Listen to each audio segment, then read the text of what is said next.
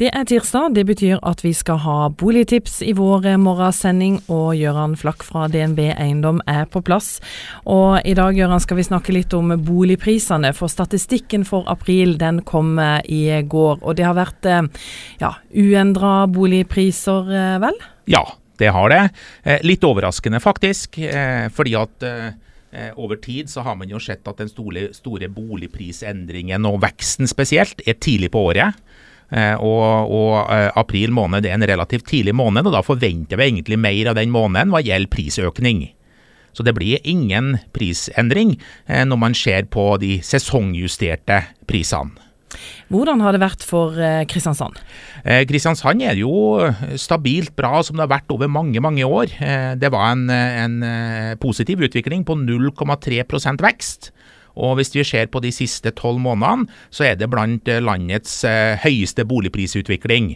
Eh, det høres jo dramatisk ut, det er ikke, det er ikke mye endring. Det er, er 2,9% på de siste tolv månedene.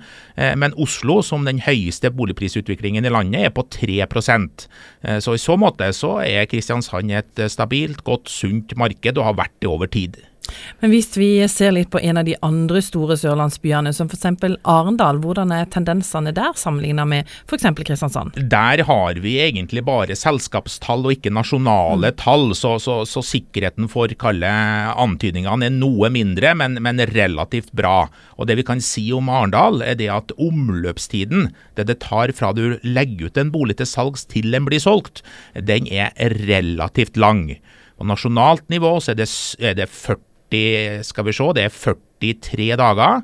Eh, mens i Kristiansand så tar det 72 dager, og i Arendal så tar det 142 dager. Og, og, Det er ingen dramatikk, sånn har det vært over tid, men det viser egentlig bare hvor noen mil gjør i, i boligutviklingen hva gjelder omløpstiden.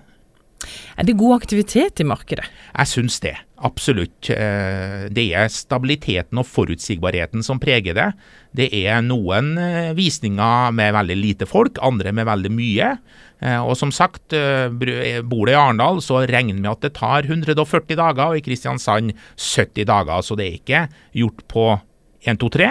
Det kan ta litt tid. Normalt tar det litt tid.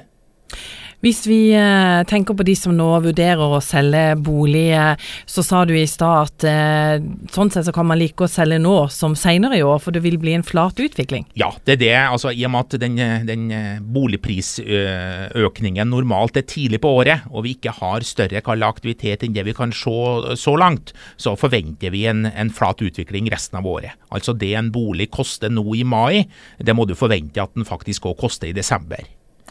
Når du nå eh, fikk eh, disse tallene i går, eh, ser du noen sykdomstegn? Nei, jeg gjør ikke det, jeg, jeg, men jeg reflekterer over at påska i år var seint, og at påska faller helt og fullt i april måned.